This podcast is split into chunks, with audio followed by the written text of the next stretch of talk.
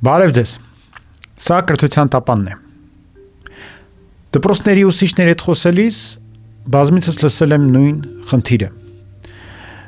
Նոր չափորոշչով ենթադրվում է, որ ուսուցիչները պետք է կազմակերպեն նախագծային աշխատանք դպրոցներում, դասարաններում աշակերտների մասնակցությամբ։ Եվ ուսուցիչները այս հարցի շուրջ մեծ անորոշության մեջ են գտնվում։ Իրենց համար անհասկանալի է այդ ինչ նախագիծ է, ինչպես պետք է արվի։ Իրենք անդադ սպասում են ինչ-որ ուղղորդումների, սպասում են, որ իրենց կասեն, թե ինչպես անել օրինակներ կբերեն, որ իրենք հետևեն այդ օրինակներին եւ աշակերտներին տանեն այդ օրինակների այդ իրենց ներկայացված տարբերակների ճանապարհներով։ Սակայն երբ իրենց հարցնում ես, լավ, իսկ ո՞րն է այդ կրթության նախագծային այդ մոտեցման հիմնական նպատակը իրենք վարանում են, չեն կարողանում ինչ-որ մի բան ասեն, սովորաբար համանախապակվում են ընդհանուր այսպիսի հայտարարությամբ, որը ամեն բանի շուրջ են ասում, որ այդ ամենը միտված է կրթության որակի բարելավմանը։ Սակայն այդ բանաձևին կարելի է նաև ծառայեցնել զուգարանների վերանորոգումը կամ տանիքի խնդիրները լուծելը։ Իրական նպատակների մասին այսօր կխոսենք նախագծային ուսուցման, նաև կխոսենք այն խորհուրդների, այն միջոցների մասին, որոնք կօգնեն ուսուցիչներին իրապես հետաքրքիր եւ արդյունավետ նախագծային ուսուցում կազմակերպել։ Նախագծային ուսուցման ջատագովները սովորաբար նշում են բազմաթիվ նպատակներ, սակայն կան երևի 4 ամենակարևորը, որոնց մասին ես կուզենայի խոսել։ Առաջինը դա երեխայի մոտ ինքնուրույնության եւ դրա հետ մեկտեղ ընդհանուր նպատակին հասնելու աշխատանքի միջոցով հասնելու մշակույթի ձևավորումն է։ Սա օգնում է երեխաներին հասկանալ, որ իրենք ապագայում կյանքում պետք է կարողանան այլ մարդկանց հետ համագործակցելով եւ իրենց արժեվ ընդհանուր նպատակ դնելով գալ այդ նպատակներին օգտագործելով իրենց գիտելիքները, իրենց կարողությունները եւ համագործակցելով։ Երկրորդ կարևոր նպատակը դա գիտելիքի արժևորումն է։ Բան այն է, որ երեխաները դպրոցում անընդհատ սովորում են սովորելու համար եւ միջև վերջ չեն հասկանում այն ամենը ինչ իրենք սովորում են արդյոք իրենց կյանքում պետք է գալու լսում են նաեւ ծնողներից որ եւ տեսնում են ոչ միայն լսում որ իրենց ծնողների դպրոցական գիտելիքները իրական առօրյա կյանքում որևէ կիրառում չունեն շատ բաներ ենք մոռացել են, չեն հիշում եւ այլն։ Եվ սա իրենց տեսակետից արժեզրկում է իրենց ուսումը եւ իրենք սկսում են չգնահատել կամ հարցականի տակ դնել այն ջանքը, որ իրենք գործադրում են դպրոցում, դասարանում։ Այսպիսով նախագծային ուսուցումը դառնում է հակակշիռ այն երեխաներին հնարավորություն տալիս գիտակցելու, որ այն գիտելիքը, որ իրենք ձեռք են բերել, ունի անմիջական կիրառում եւ իրենք կարող են այն իրականում օգտագործել հենց այսօր իրական նպատակին հասնելու համար։ Երրորդ նպատակը դա թիմային միջավայրում աշխատելու մշակույթ ձևավորելն է։ Դա նշանակում է, որ իրենք պետք է կարողանան ստանձնել պատասխանատվություն, հասկանալ, որ լինում են ժամկետներ աշխատանքի համար, որ այդ ժամկետներին չբավարարելու դեպքում առաջանում են խնդիրներ, որ եթե դու որպես թիմի անդամ ինչ որ բան լավ չես անում, թերանում ես կամ մոռանում ես, ապա բոլորն են դրանից դժում։ Այս մշակույթը, այս գիտակցումը շատ կարևոր է իրենց ապագայի կյանքում հաջողության հասնելու համար։ Եվ չորրորդ կետը վերաբերում է հենց անմիջապես կրթությանը։ Բան այն է, որ դպրոցում մենք սովորում ենք առարկաները համակարգային ձևով, կառուցելով գիտելիքների բուրգ։ Մի նոր գիտելիքը 5 գիտելիքի հիման վրա ձևավորելով եւ շահկապելով այդ գիտելիքները։ Սրան օգնում են ծրագրերը, դասագրքերը, ուսուցիչների աշխատանքը։ Սակայն կյանքում մենք շատ հաճախ այդպես չենք գործում։ Մենք ունենում ենք մեր արժև նպատակ եւ արագ գնահատելով թե ինչ է մեզ պակասում, ինչ տեսակի հմտություն կամ գիտելիք է մեզ պետք, որ เป զի այդ նպատակին մենք կարողանանք հասնենք, մենք հնդածս ուսումնասիրելով տարբեր նյութեր, օգտվելով տարբեր միջոցներից ձեռք ենք բերում այդ անհրաժեշտ գիտելիքը։ Նախագծային ուսուցումը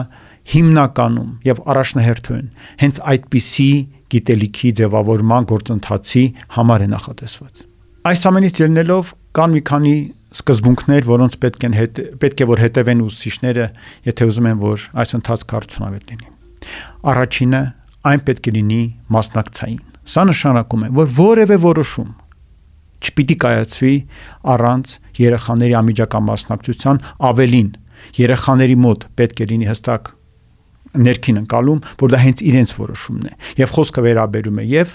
նախագծի նպատակներին եւ նախագծի ընթացքին քայլերին եւ նախագիծը ներկայացնելու կամ նախագծի արդյունքները ներկայացնելու գործընթացին ամենուրեք երեխաները պետք է առաջնային դեր խաղան իսկ ուսուցչի դերը դառնում է աջակցողական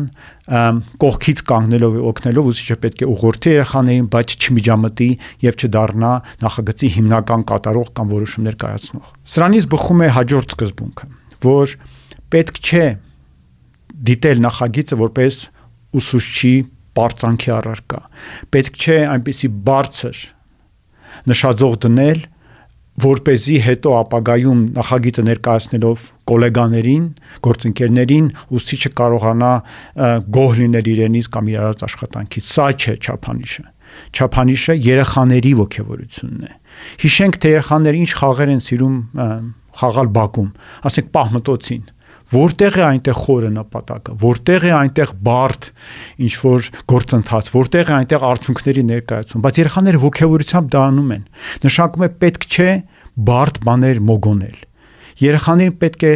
ուղղորդել դեպի ինչ որ շատ པարզ քայլերով, շատ པարզ նպատակներին հասնելը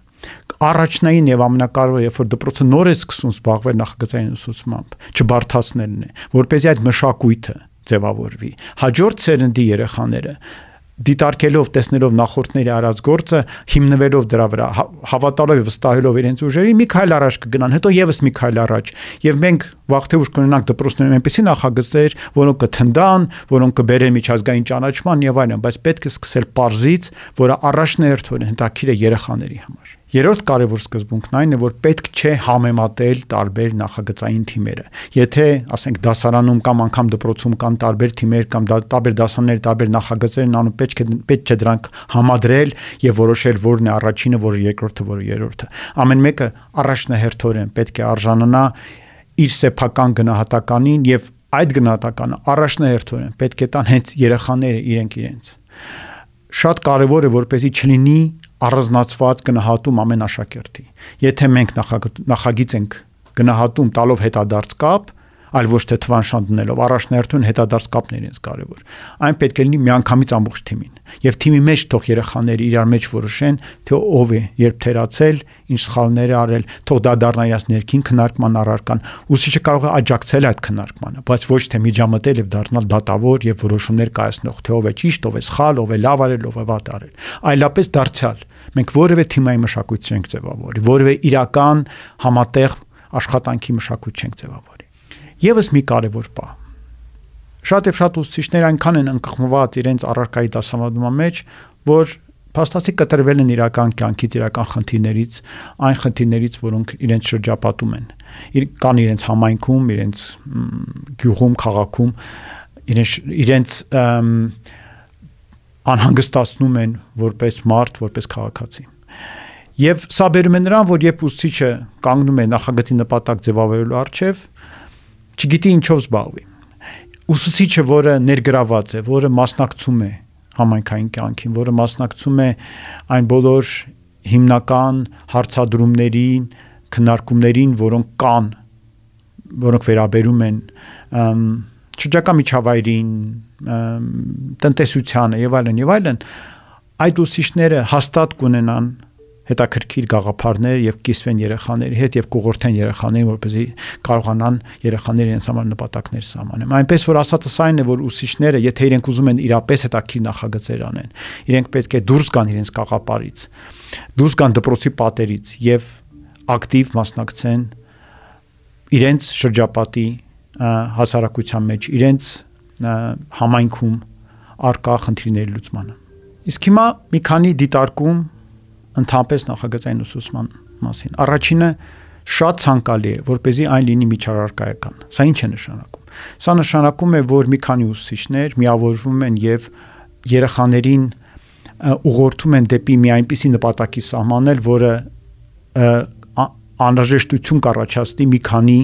առարկաներից եկող գիտելիքների կիրառմանը։ Ինչու է սա կարևոր։ Որովհետև նախագծային ուսուցումը նաև ստեղծում է այդ արհեստական բաժանման աշխարհի աշխարհայացքի արհեստական առարկաների բաժանման հակակշիռ Երեխաները պետք է գիտակցեն, որ իրական կյանքում չկա մի բան, որ դանում ես ֆիզիկայի տեսակետից մի բան անում ես, քիմիայի տեսակետից կյանքը փոխկապակցված է։ Եվ այստեղ էլ, եթե իրենք օրինակ, օրինակ հետազոտում են անտառը, եւ դա իրենց նախագծի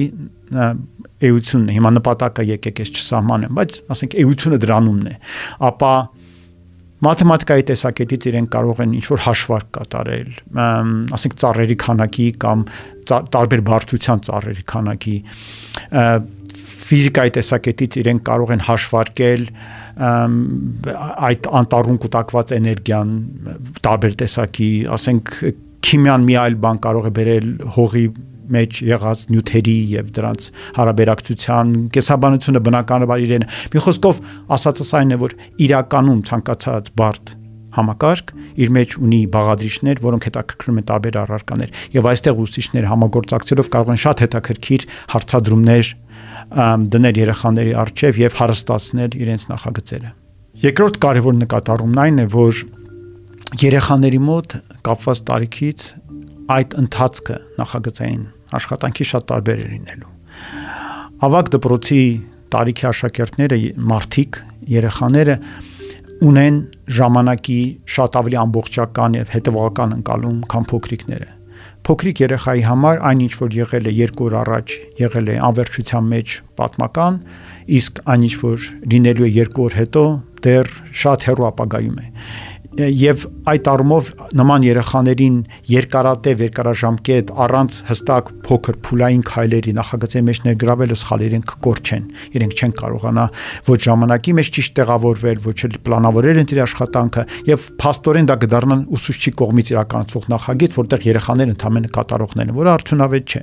շակբե փոքր երեխաների համար փոքր տարեկի երեխաների համար պետք է նախատեսել փոքր կարճ ժամկետով ընթացող նախագծեր եւ այնտեղ նաեւ բազմազանությունն է շատ կարեւոր եւ հետաքրքիր երեխաների համար դրան հակառակ մեծահասակների պարագայում շատ արդյունավետ են երկարաժամկետ նախագծերը 1 տարի 1.5 տարի 2 տարի տևող ինչու որովհետեւ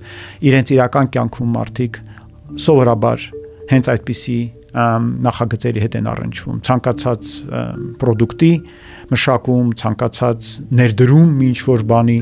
տևում է ժամանակ, ամիսներ եւ այդ ամիսների մեջ ժամանակը պլանավորել, քայլերը տեղավորել, նախատեսել շատ կարևոր հմտություն է, որը պետք է ձևավորվի դպրոցական տարիքում։ Եվ վերջում խոսեմ նրա մասին, թե ինչ նպատակներ կարող են ունենալ նախագծերը, ինչ տեսակի օրինակներ կարելի է բերել։ Դարձյալ կրկնեմ միտքս, որ եթե դուք թողնեք երեխաներին եւ տակ իրեն բավարար ազատություն, իրենք հաստատ կմտածեն բազմաթիվ նախագծեր։ Նախագծերի նպատակ մտածելը նաև դա ստեղծարարական աշխատանք է։ Ստեղծարարությունը նախագծային ուսուցման կարևորագույն բաղադրիչներից մեկն է, այդ ստեղծարարության հմտությունը ձևավորելը չափազանց կարևոր է։ Այնպես որ վերստին կրկնեմ, պետք չի երեխաներին թելադրել նպատակ, սակայն ուղղորդել, որպեսզի իրենք փնտրեն ճիշտ տեղերում իհարկե իմաստ ունի։ Եվ ինչպեսի ուղղորդում կարելի է անել։ Բերեմ པարզ օրինակներ։ Ասենք դպրոցի կողքում մի փոքր լճակ եւ այդտեղ կանգնած ջուր է, որը քիչ է ուսում եւ դրա շնորհիվ այնտեղ մի ամբողջ էկոհամակարգ է ձևավորվել։ Բնականաբար այն կարող է դառնալ կենսաբանական տեսակետից, օրինակ այնտեղ արկա կենթանի էակների եւ բույսերի ուսումնասիրություն։ Մաթեմատիկայի տեսակետից կարելի է ուսումնասիրել, փորձել հաշվարկել ելնելով ինչ-որ մեթոդներից, թե որքան օրինակ այնտեղ կենթանիներ են ապրում փոքր, ինչ որ տեսակի։ Իմ ընկերներից մեկը ժամանակին հենց նույն այդ խնդրով զբաղվում էր արդեն շատ ավելի լայն իմաստով ուսումնասիրելով ձկների քանակը օվկիանոսներում։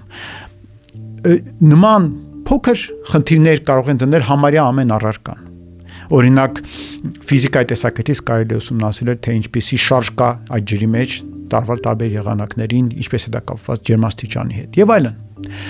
ասածս այն է, որ ցանկացած բան, որ մեզ շրջապատում է, զարմանալիորեն կարող է դառնալ հետաքրքիր ուսումնասիրության ուսումնասիրության առարկա։ Անկամ դպրոցի շենքը, դպրոցի շենքում կարող է գտնել մի տեղ, որտեղ կա, ասենք, պատի մեջ ճակ, եւ դա կարելի է ուսումնասիրել ինչու է ճակ առաջացել,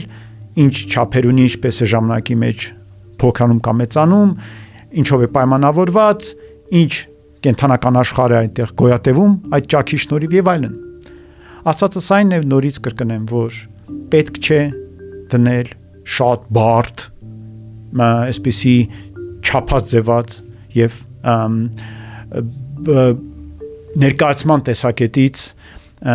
գեղեցիկ երևացող նպատակներ։ Նպատակները պետք է լինեն այնպեսին, որ երեխաներին հետաքրքրեն եւ ողջևորեն։ Ձեզ կարող է թվալ, որ այս ամենը զուտ տեսական նկատառումներ են, սակայն խոստովանեմ, որ երկար տարիներ, երբ ես աշխատում եմ որպես այբ դպրոցի տնօրեն, մեր դպրոցում կիրառվում էր եւ միջև այսօր ակտիվորեն զարգանում է այդ նախագծային ուսուցման մոտեցումը։ Ասեմ նաեւ, որ այն դարձել է այբ դպրոցի կրթական համակարգի հենքը։ Մենք դիտում ենք այն որպես կարևորագույն բաղադրիչ, որպես շահկապող հենք, որի շուրջ արդեն ծավալվում են այլ առարկաները եւ դրանց կողմից զարգացվող հմտությունները եւ գիտելիքները։ Եվ այն խորհուրդները, այն առաջարկները, որ ես անում են, հիմնված են ոչ միայն դիտարկումների վրա, որոնք կան, որոնք բազմաթիվ են, որոնք կան գրականության մեջ եւ դրանց կարելի է ծանոթանալ այսօր նախագծային ուսուցումը համատարած երևույթ է աշխարհում, բայց նաև իրական փորձի վրա, որ ես որպես կրթության ղեկավար ունեցել եմ եւ կարծում եմ, որ այդ փորձը հաջողել է։ Դպրոցական կյանքում նորություններ կիրառելը միշտ էլ դժվար է։ Այսօր այն ժամանակն է, որ ուսուցիչը չպետք է անի միայն այն, ինչում 100%-ով համոզված է։ Ոչ երեխաներն են դա ակնկալում, ոչ էլ կրթական համակարգը։ Այսօր փորձարարության դար է եւ կրթության մեջ նաեւ։ Եվ մենք որպես ուսուցիչներ, որպես կրթության մարդիկ պետք է բաց լինենք դեպի սխալվելը, դեպի մեր մասով սովորելը։ Ուսուցիչները, որոնք երբեք չեն արել իրենց կյանքում իրենց սեփական նախագծերը, պետք է բաց կիսվեն եւ դրա մասին խոսեն երեխաների հետ, չթաքցնեն դա։ Այդ դեպքում միայն կլինի հենց այն համագործակցության միջավայրը, հենց այն փոխադարձ բաց լինելու միջավայրը սեփական քայլերը վերլուծել եւ դրա հիման վրա գիտելիք ձևավորել միջավայրը, որը նախագծային ուսուցման հենքն է, իմաստն է եւ նպատակն է։ Այսօր այսքանը։ Շնորհակալություն, որ եղաք մեզ հետ։ Կհանդիպենք մեկ շաբաթ հետո։